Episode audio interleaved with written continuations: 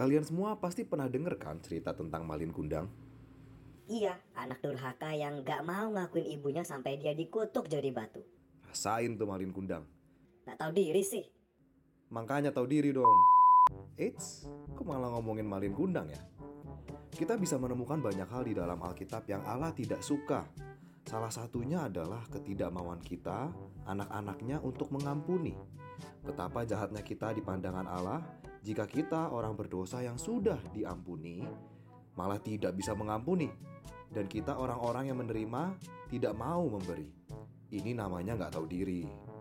Tuhan ingin kita memperlakukan orang lain sebagaimana dia telah memperlakukan kita. Di dalam Matius pasal 18, ada seorang hamba yang menangkap dan mencekik hamba yang lain yang berhutang 100 dinar kepadanya. Padahal raja baru saja menghapuskan hutang hamba itu oleh karena belas kasihan. Ketika raja dengar hal itu, ia segera memanggil hamba itu dan berkata, Bukankah engkau harus mengasihani kawanmu seperti aku telah mengasihani engkau? Guys, dari kisah ini kita bisa belajar untuk tahu diri. Tuhan telah mengasihi dan mengampuni kita sehingga kita juga bisa mengasihi dan mengampuni orang lain. So, tahu diri ya, kita juga harus bisa mengampuni orang lain.